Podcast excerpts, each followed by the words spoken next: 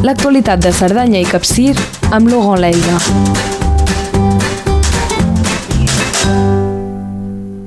Laurent, molt bon dia. Hola, bon dia. Com cada setmana te retrobem perquè ens posis al corrent de tota l'actualitat d'aquesta part del territori i per començar el temps. Bé, un temps eh, bastant serè de moment. Eh, fa, fa uns dies que fa molt de sol eh, eh, i amb temperatures molt altes a, a la tarda. Aquesta setmana vam eh, a, a arribar fins a 22-23 graus.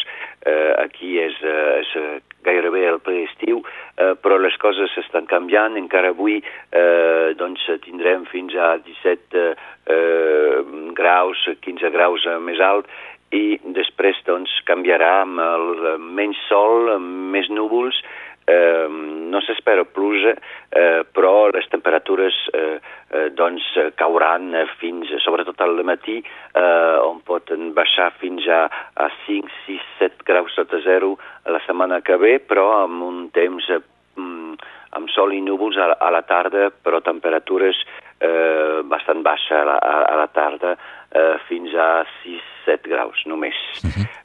Aquest és el temps, doncs, per uh, la Cerdanya i el Capcí per aquests pròxims dies. Deixem ara la meteo per parlar d'actualitat i, evidentment, de la crisi sanitària. Uh, parlem del Covid amb alguns aclariments. Ens en vas parlar aquí a Radio Arrels. Intentaves uh, tenir respostes per part de la Generalitat, dels Mossos d'Esquadra, sobre el tema de mobilitat. Sí, sobre aquest tema de mobilitat, que és un trencaclosques, doncs eh, eh, intentaré explicar eh, la situació ara mateix, però eh, és, molt compli és molt complicat.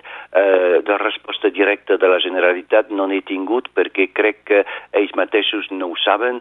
Eh, eh, doncs vaig tenir una reunió amb el cap dels Mossos de, de Puigcerdà ahir al matí i esperaven doncs, unes respostes ells també de la Generalitat perquè han tingut una resposta de l'estat espanyol eh, però de la Generalitat encara no, potser avui, però és festiu ja avui, doncs eh, potser arribarà dimarts o no sé, no, no sé quan. Doncs hi ha dues coses. Això depèn si parlem eh, com ciutadà, entre cometes, per ells, dic, eh, per la gent que viu de l'altre costat de, de, de la frontera. Si són ciutadans espanyols o si són ciutadans catalans. Eh, per què? Doncs tenim una situació a l'estat espanyol ell diu que eh, doncs hi ha una banda eh, al voltant de la frontera d'uns 30 quilòmetres, eh, doncs els, eh, els habitants eh, transfronterers poden passar d'un costat i de l'altre d'aquesta banda eh, sense cap problema. Però per la Generalitat o per Catalunya és una altra cosa, perquè hi ha un perímetre eh, doncs, on es, normalment no es pot sortir eh, de Catalunya, eh, doncs això de la banda és una mica complicat. Això és de la part doncs, de, de, per la gent de Catalunya Sud. Per nosaltres, gent de Catalunya Nord, és una mica igual.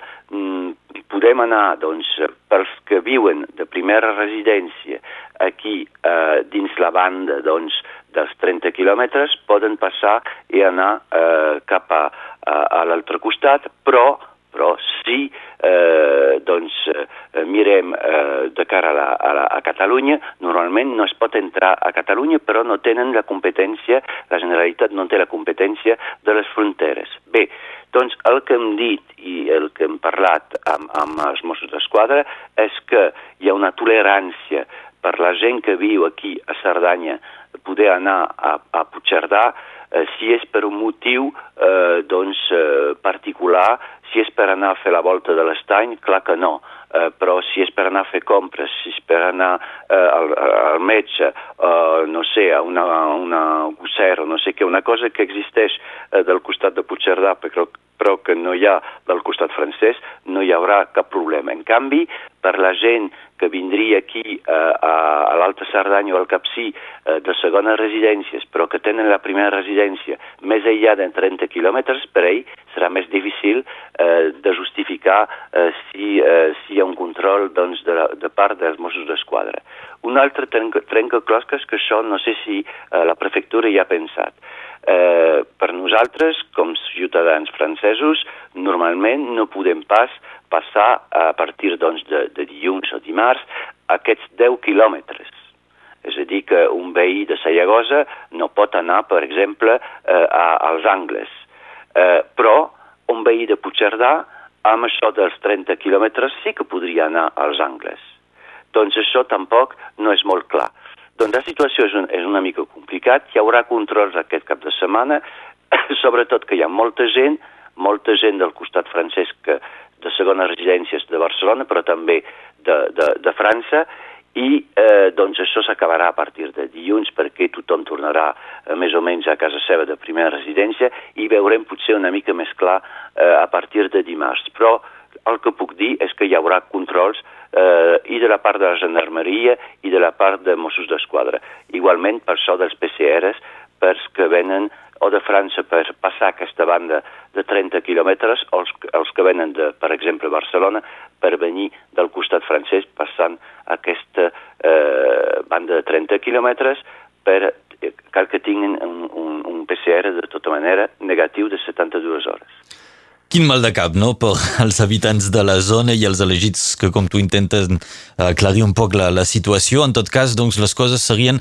Eh, tot depèn de la distància eh, on, on, on residim, si som residents permanents o segona residència, i el motiu pel qual ens interessen al sud. Exacte, i és sobretot la, la, primera, la primera residència que, que, que, que, és, que és aquí per decidir si es pot passar o no, si cal un, un PCR o no. Molt bé, doncs uh, aquesta és la informació que tenim de moment. Viam si la setmana que ve arribem a tenir més informació sobre aquesta qüestió de mobilitat. Sí, perquè d'un costat doncs, eh, veiem que de, del costat doncs, d'Espanya doncs, i de Catalunya estan obrint una mica les coses, però del costat francès, al contrari, estan tancant les coses. Hi ha un desfasament total aquí. Uh mhm. -huh. Bo, de, després cal veure també si es torna a plantejar el confinament comarcal al sud. Bé, cadascú al seu ritme i uh, veure com evoluciona això la setmana entrant, ho anirem parlant, evidentment. Altre tema, ara ens vols parlar de Líbia.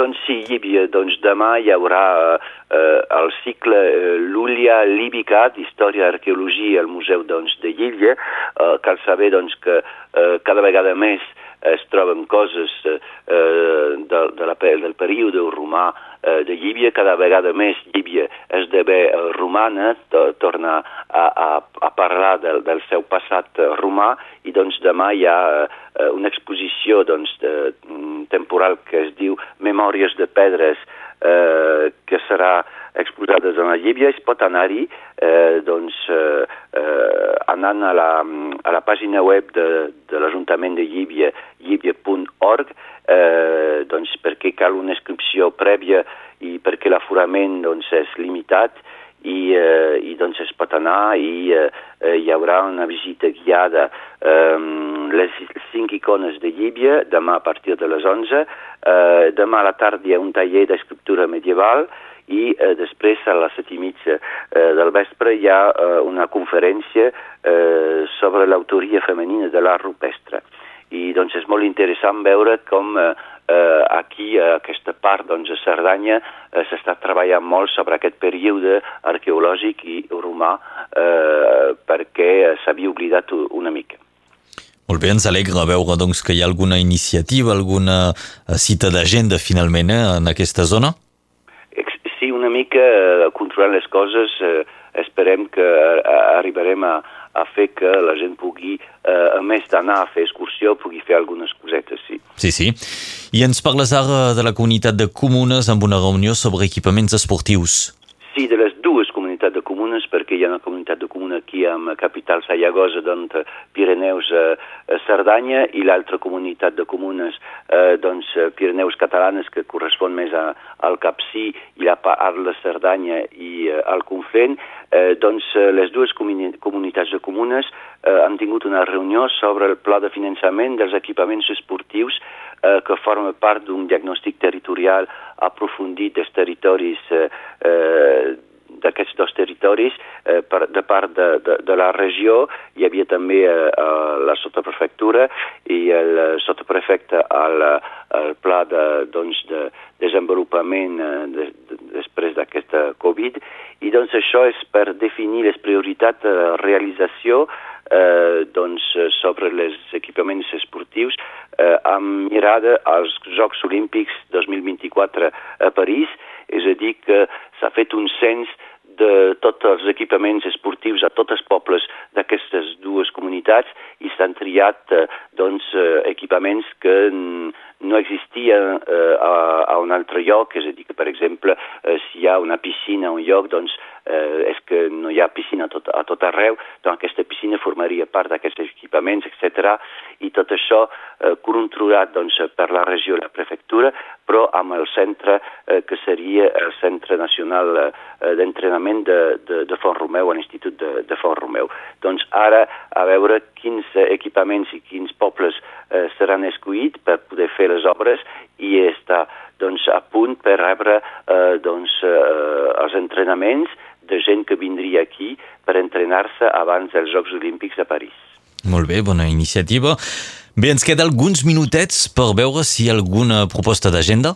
Sí, una, una, una oh, només proposta d'agenda. Quin luxe. Doncs, eh, és el, el mercat de Palau de Cerdanya doncs el 4 i el 5 d'abril eh, amb s'ho han pensat molt per poder organitzar, però serà molt bé organitzat, eh, molt bé eh, amb gent que podrà doncs, anar sense cap problema eh, perquè doncs, també hi ha un aforament, hi haurà també eh, controls ha, de les mascaretes amb gel, etc. dins eh, doncs, els jardins de, de l'Ajuntament de, de Palau de Cerdanya, doncs, una, un mercat de productors de, eh, locals aquí de, de Cerdanya i amb una venda de pa eh, doncs, eh, que, que sortirà directament de, del forn centenari de Palau de, de Cerdanya.